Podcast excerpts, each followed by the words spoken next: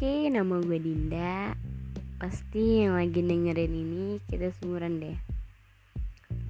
Dan mungkin yang lagi dengerin ini mungkin ada yang galau, ada yang seneng, entah ada yang lagi ngerasain friendzone, entah ada yang beberapa kali ditolak cintanya entah ada yang jomblo nungguin jodoh nggak kunjung datang